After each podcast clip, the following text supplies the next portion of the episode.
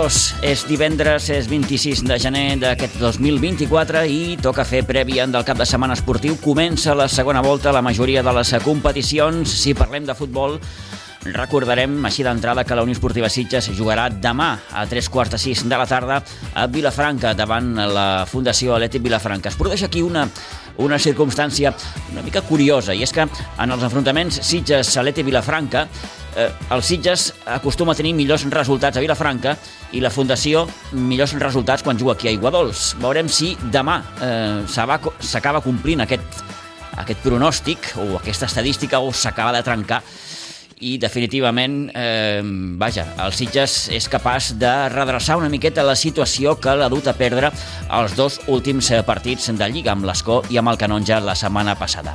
Demà, partit eh, important, com dèiem, per la Unió Esportiva Sitges, com també ho serà el que disputarà amb el Sitges B demà també a Iguadols a partir de dos quarts de sis de la tarda contra la Granada. És un dels últims classificats, però, com diu el tòpic, no hi ha partit senzill i demà el Sitges B que tindrà ganes de continuar amb aquesta ratxa impressionant eh, de partits eh, entre guanyats i empatats, perquè ja són 11 jornades les que du el conjunt d'Àlex Villalgordo sense perdre cap partit.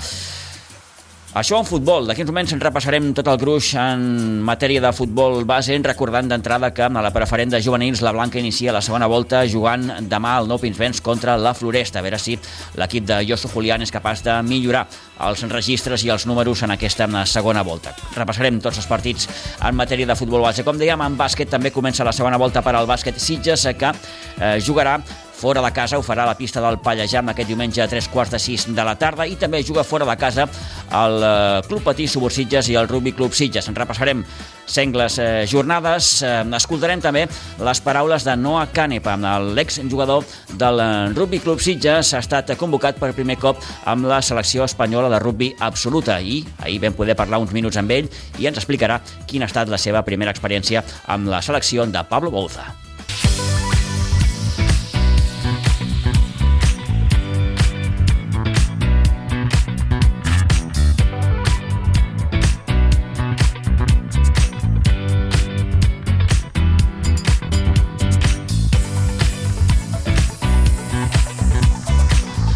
10 i 52, gairebé 10 i 53 minuts del matí i comencem repassant la jornada en matèria de futbol base a la preferent de juvenils. Els ho dèiem ara fa uns moments, la Blanca comença la segona volta en rebent demà a la Floresta amb el nou Pinsbens. L'entrenador del juvenil A, Jos Julián, ens recordava en aquest passat dilluns a Ràdio Maricel que encara queda tota una segona volta i que l'equip, per tant, té encara prou marge de millora per intentar sortir de la cua de la classificació. Mira, al final el futbol, a mi el que m'ha ensenyat és que mai, mai pots dir que està tot, tot, uh, tot posat a, a la taula fins que no, fins que no s'hagi acabat la temporada. Llavors, queden 45 punts. Eh, és una lliga en la qual pots guanyar a, a tothom i pots fer-ne amb tothom i així s'ha demostrat. Per mi, un dels millors equips amb diferències el Reus i el vam guanyar 3 a 2. Eh, el, el Super QE, que érem nosaltres en aquell moment, que, que, que ningú es donava per, no dava un duro, un duro per nosaltres ningú. A camp de l'Europa el mateix. Eh, poca gent ha guanyat, em sembla que un equip, i nosaltres ens plantem allà i guanyem. I després, pues, bueno, després és veritat que, que hi ha altres partits que, que no hem estat del tot, del tot encertats i, i no hem donat la cara. Mm. No és el cas aquest, no és el cas d'aquesta setmana. Aquesta setmana crec que l'equip ha estat molt bé, però el que et dic, dos desconnexions, pues bueno, eh, justament l'equip contrari encerta i tu les que tens no encertes. Eh, bueno, torno a dir, eh, no ens queda un altre que treballar, que ser positius, que intentar, bueno, que els hi vaig dir ahir al, als xavals, que, que dintre de lo dolent que estem, que estem siguent, estem allà, estem allà, estem a, a un partit i mig, a dos partits de, de poder, de poder enganxar-nos. Llavors, qui ens diu que aquesta setmana no guanyem a la Floresta, la resta d'equips doncs, continuen punxant com ho estan fent i ens plantem a dos, tres punts de la salvació. Bé, això ens comentava eh, Josu Julián aquest passat de dilluns, al temps de descompte amb la Ràdio Maricel, a veure si la Blanca és capaç de redreçar amb aquesta, aquesta situació a la cua de la classificació ara que comença la segona volta. En recordem que el partit davant la Floresta jugarà, com dèiem, demà, el nou Pinsbens a partir de les 7 de la tarda. Per la seva banda, el juvenil B de segona divisió s'enfronta demà a un Vilanova que arriba com a QE, sense haver guanyat cap dels 11 partits que ha disputat, maig que jugarà el nou Pinsbens demà dissabte a partir de dos quarts de dues de la tarda. La resta de partits els repassem com cada setmana en companyia de l'Isidre Gómez. Isidre, bon dia, bona hora. Hola, molt bon dia. Bé, ja dèiem que el juvenil A intentarà redreçar amb aquesta situació en el partit de demà contra la Floresta, a veure si l'equip és capaç de, com a mínim, intentar assegurar els punts de casa, que és superimportant. I el juvenil B, que mm, no diré que ho té fàcil, però s'enfronta a un Vilanova que no ha guanyat cap partit. No, ja està guanyat el partit aquest. No, no es presentaran. El Vilanova no es presentarà. Ah, però ja ho, ho ha comunicat? Uh, bueno, t'ho he insinuat. Ah. Almenys és el que està portat, portat a terme dels últims tres partits, que no s'ha presentat. Caram. Eh, hi, ha, hi ha una norma que diu que si es retiren els sancionen dos anys, o dues temporades i mitja, no sé quantes, Sí. però si no es presenten, no sé si són quatre o cinc partits, llavors la competició el retira de la, de la Lliga. O sigui que sense, sense cost. Caram. Costa de creure, no?, que un club com el Vilanova pugui arribar a una situació Sí, sí, com, no. com, com aquesta, eh? Jo també em vaig quedar sorprès, vaig estava parlant, parlar amb el Cigor i diu, no, no, si no, diu, aquest partit ja està guanyat, dic, "És que no, no, no el jugarem perquè no, no vindran. Dic, com? Explica'm això. Diu, sí, no, és el que porten fent les últimes tres, tres jornades, que no, no es presenten, els donen per perduts eh, 3 a 0 i, i ja està. Sí, sí. I qui dies passa, anys empeny, com deia Això aquell. mateix, sí, diu, sí. perquè si, si, ja dic, si, si ells es retiren, els sancionen dos anys o dues temporades sense poder participar. En canvi, d'aquesta manera, si els retiren per compareixença, pues, aquí s'acaba la temporada i, i no els hi passa res més. Allò de la normativa, eh, de les normes, eh, que de vegades costen d'entendre una miqueta, però... Sí, jo ja dic, em vaig, també em vaig quedar sorprès, dic, perquè, bueno, si, si ho fas això, molt, dic, el més normal també seria que et retirin Uh -huh. i, i que et sancionin, però no, no. Diu, et retiren, però sense cap sanció. Perds els 3 punts a cada partit Sí, sí, perds 3-0. Uh -huh. i, i ja està. Uh -huh. Bé, doncs, eh, demà dissabte estava previst aquest partit de, de juvenils de segona divisió. Que vulguin anar-hi, que vagin a fer el vermut i Sí, bé, i escolta'm, potser hi ha una sorpresa.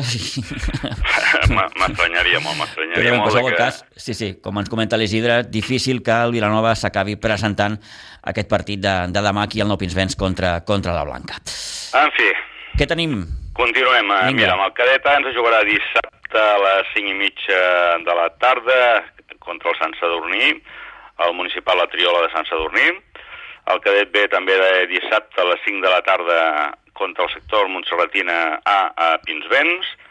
El cadet C diumenge a les 12 del migdia eh, contra l'Igualada G a Pinsbens. En categoria infantil, l'infantil A en jugarà diumenge a les 12 del migdia contra el Sant Sadurnià al municipal de la Triola.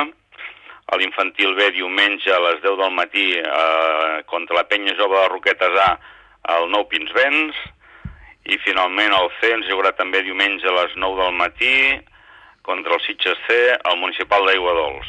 En categories alevins, el sub-12, abans es jugarà diumenge a les 2 i quart contra l'Igualada D al municipal Les Comes, el B ens jugarà dissabte a les 10.30 contra la penya regativa Sant Feliu B a Pinsbens. El C també demà dissabte a les 10 i quart contra el Sant Feliuenc A al municipal Les Grasses.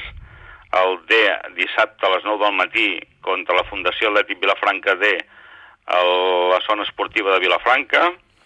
El sub-11 A dissabte contra el Sitges B a Pinsbens a les 10.30 el B diumenge a les 15.45 contra la Fundació Unió Esportiva Cornellà D al Municipal de Cornellà.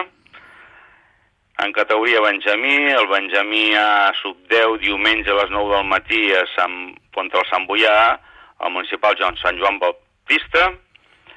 El B ens descansarà aquesta setmana, el C ens jugarà dissabte a les 12 del migdia contra el Marianao Poblet A a Pinsbens, el B ens jugarà perdó, el sub, sub 9A ens jugarà contra la Fundació Esportiva Cornellà a Pinsbens a les 12 del migdia, el sub 9B no ens, ens descansa, i finalment el prebenjamí ens jugarà diumenge a les 10 i quart al camp del Sant Mauro A. I com sempre començarem demà al matí a les 9 amb les competicions de promeses i pitufos. Doncs amb aquests partits s'encetarà la jornada futbolística amb el Nou Pinsbens demà dissabte. N'hem parlat una setmana més amb l'Isidre Gómez. Isidre, moltíssimes gràcies, que vagi bé i bon cap de setmana. Igualment. Adéu-siau. Adéu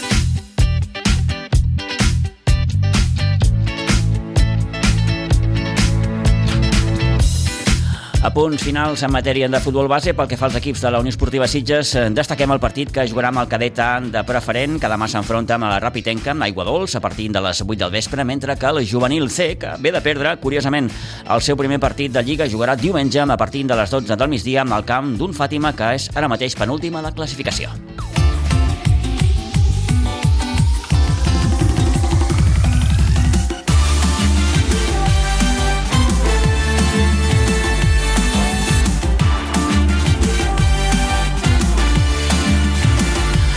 Són les 11 i un minut del matí. Seguim endavant, però abans de seguir fent aquesta prèvia del cap de setmana esportiu, ens permetran que saludem a la Júlia. La Júlia és una de les dues filles de Juan Cruz, que ens va deixar, com recordaran, el passat 12 de gener. I la família del Juan, més enllà d'aquest sentiment de tristesa que tenim tots quan, quan, quan, quan mor algú tan proper, en aquest cas un pare, doncs la família se sent molt confortada per l'estima que tothom li tenia al Juan, eh, persona qui durant tants i tants anys van dedicar la seva vida al món de l'hostaleria i, com saben també, al futbol, a la Unió Esportiva Sitges. Júlia Cruz, bon dia. Bon dia, bon dia. Què tal? Bé, estem bé i estic contenta d'estar amb vosaltres. I nosaltres eh, que, que hi pugui ser, Júlia. Què voleu dir? Bueno, mira, volem agrair a toda la familia, agradecer a toda la familia, en primer lugar a vosotros, a Radio Maricel, porque fuisteis los primeros en dar la noticia del fallecimiento de mi padre, pusisteis una entrevista que le habíais hecho. Mm. Y como bien has dicho, hemos recibido muestras de cariño hacia mi padre de, de, muchas personas, eh, vinculadas a la hostelería y también vinculadas a la Unión Esportiva Sitges. Y si me lo permites, me gustaría mm, destacar dos aspectos nada más de la trayectoria de mi padre en la Unión Esportiva Sitges, que como todos sabéis, él puso el corazón, todo su empeño. Él tenía una gran pasión que fue la creación de la escuela de fútbol. Eso le reportaba tantas alegrías y tanta satisfacción que a pesar de ser una persona reservada, venía a casa y nos transmitía la alegría que le daba ver a los niños jugar. Eso le emocionaba. Él disfrutaba viendo a los niños y él pensaba que la escuela no solamente les daba una oportunidad de practicar deporte, sino que daba la oportunidad a los niños de recibir una formación que les ayudaría a su desarrollo personal, porque él creía en los valores del deporte. Entonces, él entendía que tanto los mm, entrenadores como técnicos a los niños les estaban enseñando valores como la disciplina, el trabajo en equipo, el ser humildes, eh, muchos valores que iban a ser muy importantes. Y para él, cuando hacían la presentación del principio de temporada, la foto entre los niños le llenaba de alegría. Eso lo compartía con nosotros.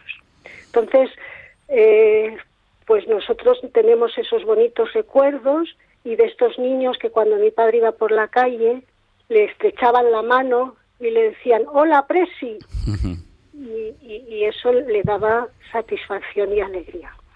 E, eso es un aspecto. Y el otro, eh, ya la última trayectoria de mi padre como presidente honorífico del CITES. Eso mm, le reportó poder disfrutar del Siches, de la Unión Esportiva Siches, sin, sin el peso de la responsabilidad.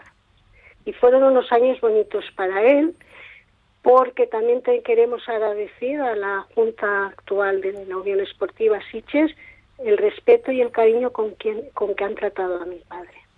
O sea, lo han tenido en cuenta hasta, hasta el último momento, lo llamaban por teléfono, lo han visitado en casa, le, en sus 90, mi padre cumplió los 90 años el 5 de diciembre.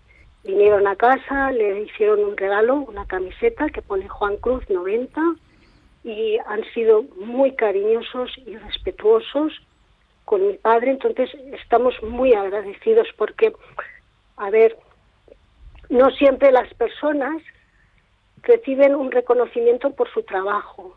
Y nosotros pensamos que mi padre lo ha recibido, lo ha recibido de la gente de Siches, lo ha recibido de vosotros, de Radio Maricel y de mucha gente que va por la calle que valoraban los principios que mi padre había demostrado, sobre todo la honestidad. No creo que nadie pueda cuestionar otra cosa como la honradez y la honestidad con que mi padre ha hecho todas las cosas y, ha dado parte de su vida por el Siches. Ah. Entonces, te quería decir, ahora mm, mm, es que eh, intentas eh, recordar la figura de Juan, incluso la entrevista que le hicimos aquí, creo que era el año 2017, eh, ese mismo año que fue cuando el club le, lo, distinguió como, como eh, presidente de, honor. Y bueno, las mil y una que explicaba Juan, no todo fue fácil en la vida. No, no, no. A, ver, el Siches le ha dado muchos sinsabores. ¿eh? pero pero él eso lo dejó aparcado él él ha, ha vivido eh, no, no, no, no se recreaba en, en, las cosas negativas, sino que veía lo, lo bueno, lo positivo, y, y, una de sus prioridades era que Siches tenía que tener su primer equipo, que era un, un equipo que tenía historia, que venía de muchos años, que ese equipo tenía que mantenerse. Y entonces él, junto con otras personas, se esforzaron para que, para que eso fuera así, para que el Siches no desapareciera, porque el Siches pasó por una etapa que podría haber desaparecido si no hubiera sido por el trabajo de varias personas, no mi padre solo, ¿eh? Mm, puedo hablar del Fontanás, te puedo hablar del Josep María Matas y de otras personas que en momentos puntuales han contribuido a que la Unión Esportiva Siches no desapareciera. Eso entre, entre otras cosas. Eh, a ver, yo también he ido con mi padre por la calle cuando el Siches estaba fatal, fatal, que a lo mejor iba el último de todos y, y, se cachondeaban. ¿Qué, Juan? ¿Qué? No sé qué. Y él, pues bueno, con como podía, salía del paso, ¿no? Porque la gente también, pues, pedía cuentas o pensaban que, que porque el Siches eh, iba al peor de todos. Entonces, él ha vivido también esas etapas cuando el Siches ha estado muy mal y por la calle se lo iban diciendo. Sin duda, sin pero, duda. Pero, pero, pero eso no, no, no le hacía mella, ¿sabes? No. Qué va, qué va, qué va, qué va. En fin, historia, historia de un club, en este caso la Unión Esportiva Sitges, eh, historia de un pueblo, historia de una familia, historia eh, en mayúsculas, como, como se dice en estos casos. No sé, Julia, si, si te apetece decir alguna cosa más, pero bueno, nos vale tu testimonio como... como Sí, simplemente que, que, el deporte pues puede promover eh, unas, unos valores que son eh, los que mi padre creía. ¿eh? Creía que, que, el deporte podía contribuir a, a, que las cosas, a que un pueblo pudiera disfrutar de su equipo, a que unos niños pudieran también disfrutar de, de, de hacer lo que les gustaba, que era jugar a fútbol. Y, bueno pues pues eso. Y que siempre que las cosas que las personas que, que están dirigiendo un club una entidad o lo que sea que lo hagan con entusiasmo con empeño y, y, con honestidad. Y entonces el resultado pues será siempre bueno Julia, muchísimas gracias. Nada más, eh, y agradeceros que me hayáis dado esta oportunidad. Nada, mujer, te mandamos un fuerte abrazo uh, mío, de, de, Tony Muñoz, en definitiva de todo el equipo de, de, de Radio Marisel. Sí. con quien Juan también compartimos momentos únicos y nos quedamos con eso, con los buenos recuerdos que en nuestro caso, ya te digo, son todos. Pues muy bien, muchas gracias y nada que visca el como decía mi padre. Gracias Julia, un abrazo. Vale. Muchas gracias.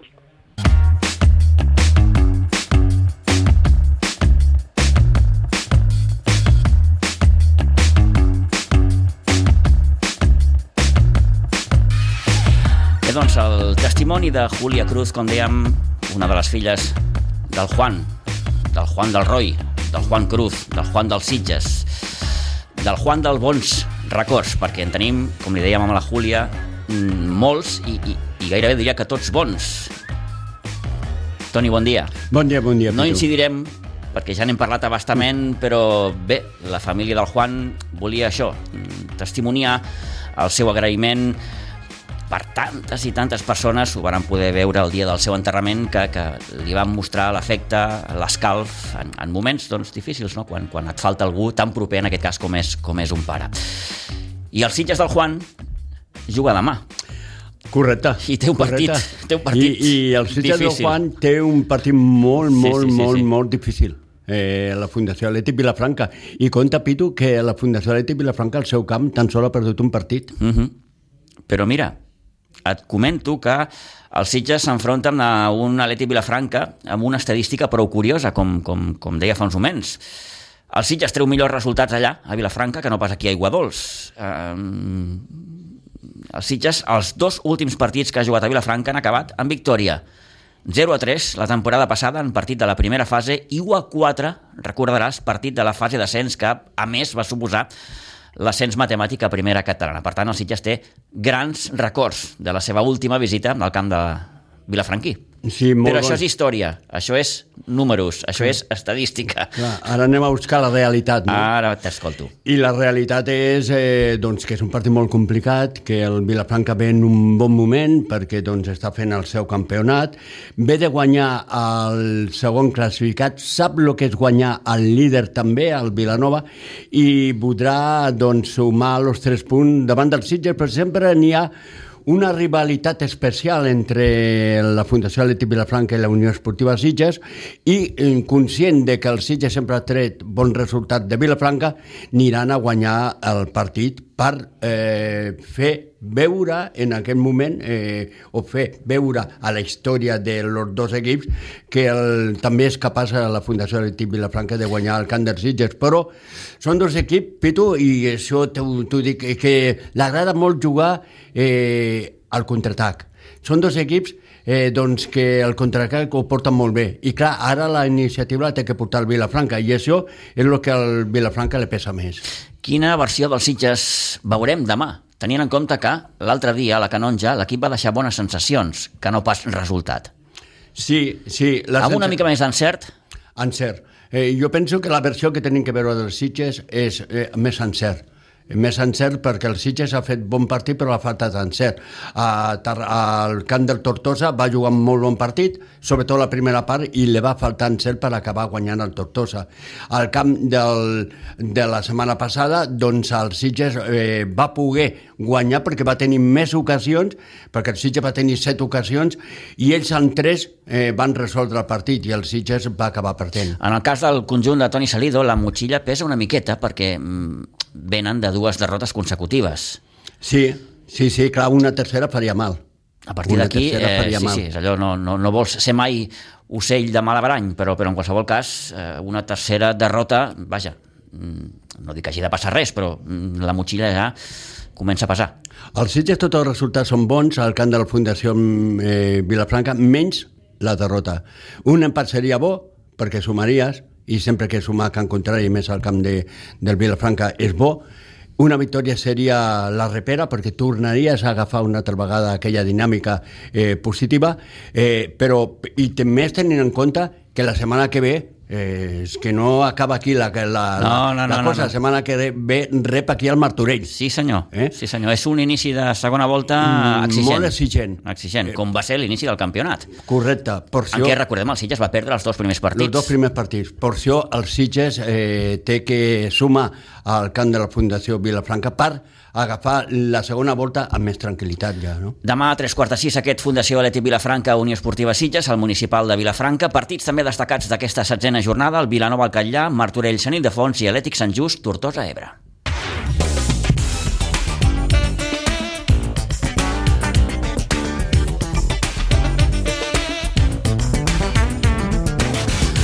Anem a la tercera catalana. Eh, També el Sitges B comença la segona volta aquest cap de setmana en partit de la setzena jornada. S'enfronta a la Granada Iguadols a partir de dos quarts de sis de la tarda. Amb els números, els que té en general la Granada, ara mateix penúltima a la classificació, amb 8 punts, tot i que ve de puntuar els dos últims partits i de la seva trajectòria com a visitant destaca el fet que no ha estat capaç encara de guanyar cap partit, Toni. Aquests són els números, com diem sempre. Després el partit s'ha de jugar. Sí, Però el Sitges sí. B ara mateix està en un bon moment. Sí, jo, jo penso que pel Sitges aquest és el millor escenari, no? Mm. que ara vingui a jugar a la Granada i que jugui el segon partit consecutiu a casa. No?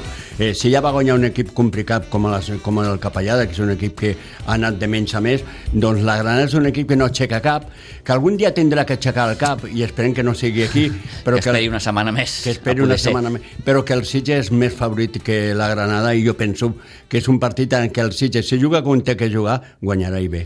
Eh, què esperes de l'equip en aquesta segona volta, Toni? Espero molt. Jo espero molt, i de fet espero molt perquè, de fet, el Sitges el que ha tingut més negatiu ha sigut doncs, a l'inici del campionat, perquè va començar molt bé, però la derrota a Piera doncs, eh, va tocar molt als Sitges, i a partir d'aquí doncs, va treure bons resultats, però va treure molts empats. Eh, sí, amb equips que teòricament estaven fent millor paper en aquell moment que els Sitges, i per això jo penso que ara el Sitges està a nivell d'aquests equips i pot fer una segona volta més regular, i jo apostaria... Vindran d'aquí no massa, Toni, partits complicats. Sí, sí. Bueno, pot venir a... Ara les cabanyes, la setmana que ve, visites les cabanyes. Després ve el Piera. Però després et ve el Piera aquí. Aquí és I has d'anar a Ribes. I tens que anar a Ribes. Aquests dos partits són molt claus. Sí, sí. Perquè tu Tot i que acabes- aquí tenim el Carnaval entremig, eh? Hi haurà aquí un, una Sí. separació. Sí, però ha un parèntesi, Sí, no sí. tens que jugar el dia de Carnaval. sí Exacte, que sí, després sí, sí, tens sí. que jugar la setmana després del Carnaval, que no sé què és pitjor, però, però bé, en aquest parèntesi le pot anar molt bé als Sitges, no?, per, per desconnectar una miqueta. Jo penso que aquests dos partits són claus, eh? Piera i Ribas. Si el Sitges és capaç de guanyar aquests dos partits, guanyar-los, eh? Parlo, compte, eh? O sumar 4 de 6 també seria una bona xifra, sí, no? Sí, però sempre seria molt bo, el que va segon és el Ribas, i sempre seria molt bo pels Sitges uh Mhm. -huh. que el Sitges siguessi capaç de guanyar Ribas. De moment, com diu aquell, pas a pas, demà enfrontament amb la Granada aquí al Municipal d'Aigua Dolça partint de dos quarts de sis de la tarda. Altres partits destacats d'aquesta setzena jornada en aquest grup 13 de tercera catalana són el Fàtima Riu de Villes, l'Olivella Piera, la Múnia Ribes, Canyelles Bas Espirall i Penya Jove Les Cabanyes.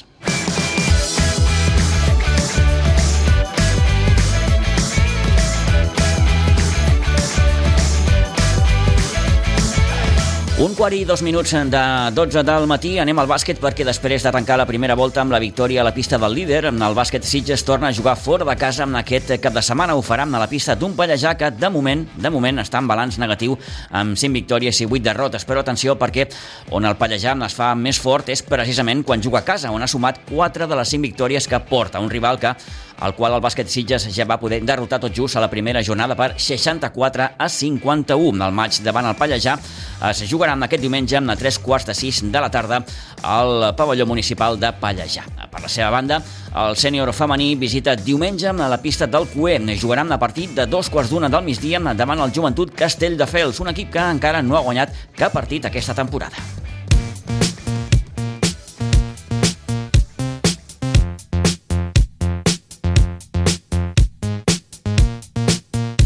I en hoquei patins, el Club Patí Subursitges obre la segona volta jugant aquesta nit a partir de les 9 a la pista del Reus Ploms. I ho farà amb la moral enfortida que li han donat les dues últimes victòries i sense cap mena de dubte amb el que ha suposat la incorporació d'en Jofre Vilà com a nou jugador, jugador que ha marcat i s'ha pogut veure la diferència en els dos enfrontaments en què el Sitges s'ha pogut guanyar, és a dir, el derbi amb el Vilanova i el partit de l'altre dia a Barcelona amb el Club Patí Congrés. Avui, com dèiem, a partir de les 9 a la pista del Reus Ploms, partit el primer partit, com dèiem, de la segona volta. Anem al rugby perquè tenim el partit de la quarta jornada amb la divisió d'honor catalana amb el Rugby Club Sitges després de sumar amb el seu primer triomf amb el Badalona en aquesta segona fase jugat demà a la Fuixarda contra un Gòtics que, com l'Andorra, ha guanyat els tres partits que ha disputat. El partit de demà, recordem, a partir de dos quarts de quatre de la tarda. I ho destacàvem aquest passat dilluns. L'exjugador del Rugby Club Sitges, Noah Canepa, ha estat eh, un dels jugadors convocats amb la selecció espanyola absoluta de rugby que aquests dies ha estat concentrada a Guadalajara per començar a preparar ja el proper campionat d'Europa. Noah Canepa viu actualment la seva segona temporada amb el Burgos de Divisió d'Honor i és un fixe amb la selecció espanyola sub-20. Ara, per primer cop, ha estat convocat en aquesta primera llista del nou seleccionador Pablo Bouza. També ha estat convocat en aquests dies amb la selecció selecció sub-20 el també jugador del Rugby Club Sitges, Nico Moletti, actualment a les files de la Unió Esportiva Sant Boiana. Hem tingut l'oportunitat de conversar uns minuts amb Noah Canepa, l'exjugador del Rugby Club Sitges, ens explicava com ha viscut aquesta primera convocatòria amb la selecció. Bé, jo em vaig entrar així a sobte, vaig entrar al mail per casualitat i vaig veure la convocatòria i no m'ho esperava per res. O sigui, no, no havia tingut cap contacte abans amb el seleccionador ni res i va ser molt de sobte. Eh, I la, la concentració ha estat molt bé, la veritat. Com és un seleccionador nou, ha posat una mica el, les idees que té i noves i com vol jugar i la veritat és que ha sigut molt, molt tàctic, molt tranquil i sabent cadascú on vol que estigui en cada moment. Llavors ha sigut bastant tranquil·la. Uh -huh. eh, ho deies ara fa uns moments. Et va sorprendre, no?, aquesta convocatòria? Sí, jo no m'ho esperava per res. No, en cap moment eh, el seleccionador em va avisar que podria ser que em truqués o algú del voltant. Jo vaig entrar al mail, crec que per una, alguna cosa a la uni, mm. i, i, i ho vaig veure i em vaig sorprendre moltíssim, no m'ho esperava per res. Eh, per tant, eh, bé, ara ja has viscut aquesta primera experiència, tu eres un fixe amb la, amb la sub-20, però, però canvia molt eh, d'estar en una selecció com la sub-20 a l'absoluta la, a la, o no? Mira, ho vaig parlar amb, amb el meu pare, mm. eh, no tenia la, la sensació eh, al 100% d'estar a l'absoluta perquè érem molts joves.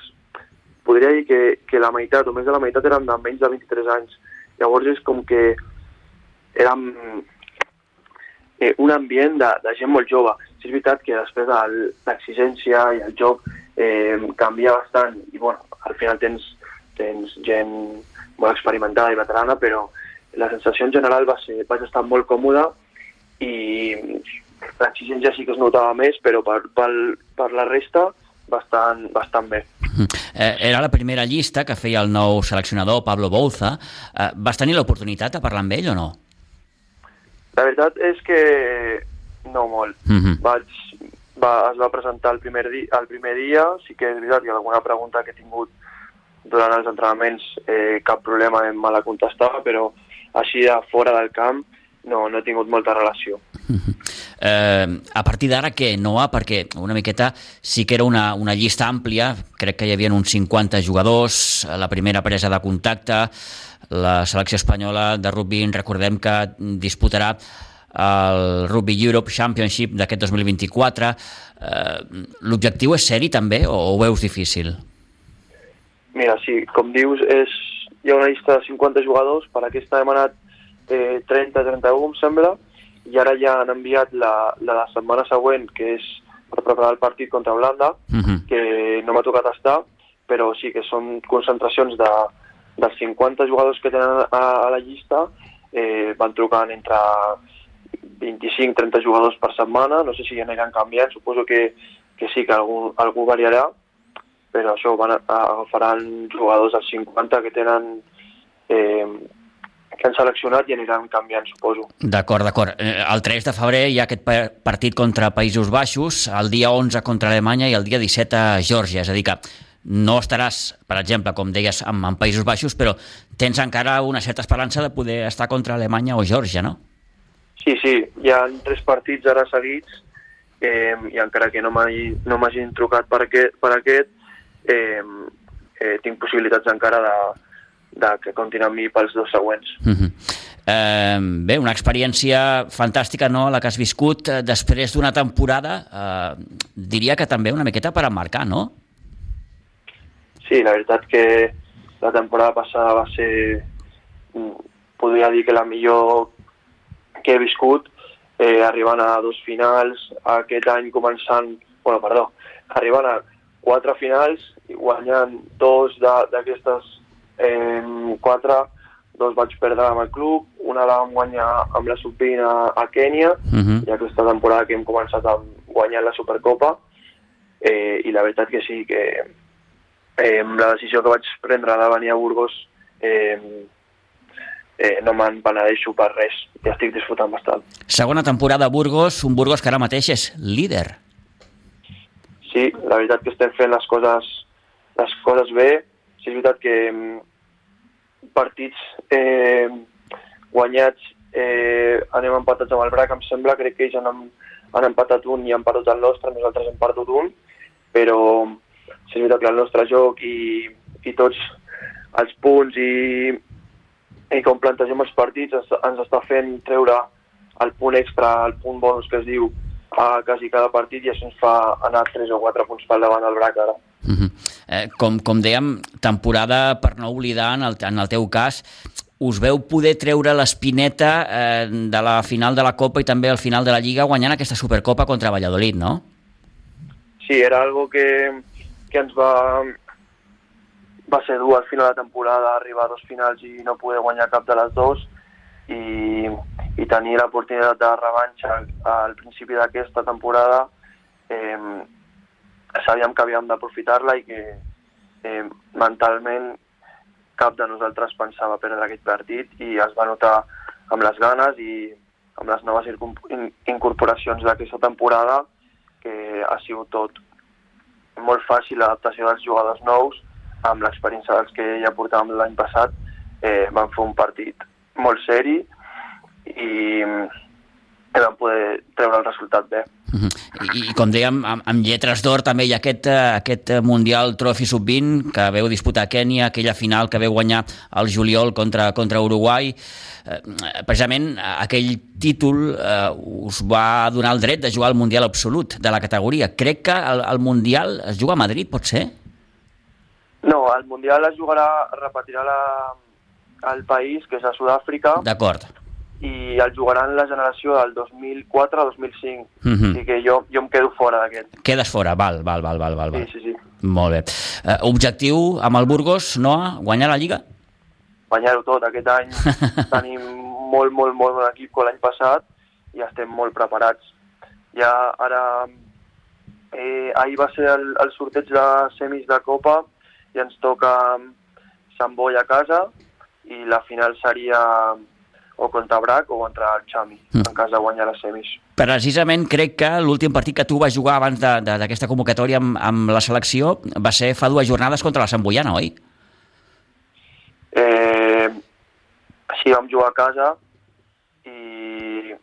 Veu guanyar bastant bé, 32-10, ho tinc aquí apuntat, va ser fins i tot una marca, per tant, bons records d'aquest enfrontament amb, amb el Sant Boi.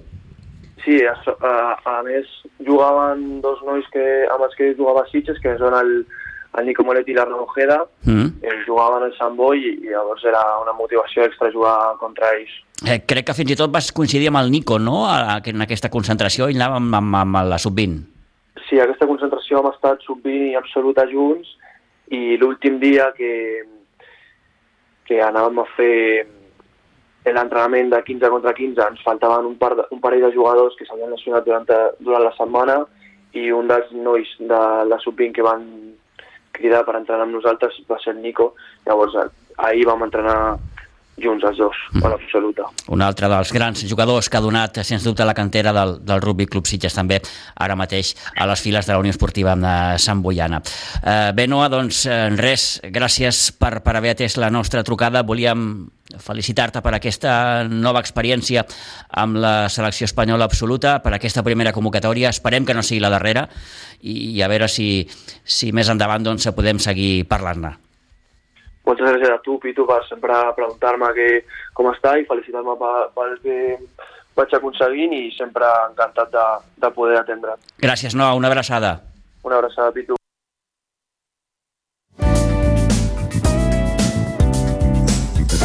Vinga, doncs, aquesta conversa que vàrem poder mantenir amb Noah Canepa i aquesta primera gran experiència viscuda aquests dies amb la concentració que va fer la selecció espanyola de rugby de cara ja a la preparació del campionat d'Europa i aquest primer partit contra Països Baixos el proper 3 de febrer. Acabem amb poliesportiu a la Lliga de Segona Divisió de Futbol Sala. Recordar que el primer equip del Futbol Sala Sitges juga aquest diumenge contra el Cubelles, partit de la onzena jornada que jugarà al poliesportiu de Cubelles a dos quarts de vuit del vespre. I l'equip femení, que també juga fora en aquest cap de setmana, ho farà el centre esportiu Ugalde de Sant Joan d'Espí per enfrontar-se demà dissabte al Sant Joan d'Espí a tres quarts de vuit del vespre. I en hoquei herba, destaquem el partit que diumenge a partir de les 11 del matí jugaran al polivalent de Pinsbens l'equip blau de Mamis del Sitges Hockey Club contra el Club Deportiu Terrassa. Acostant-nos al punt de dos quarts de dotze, d'aquí uns moments, la tertúlia.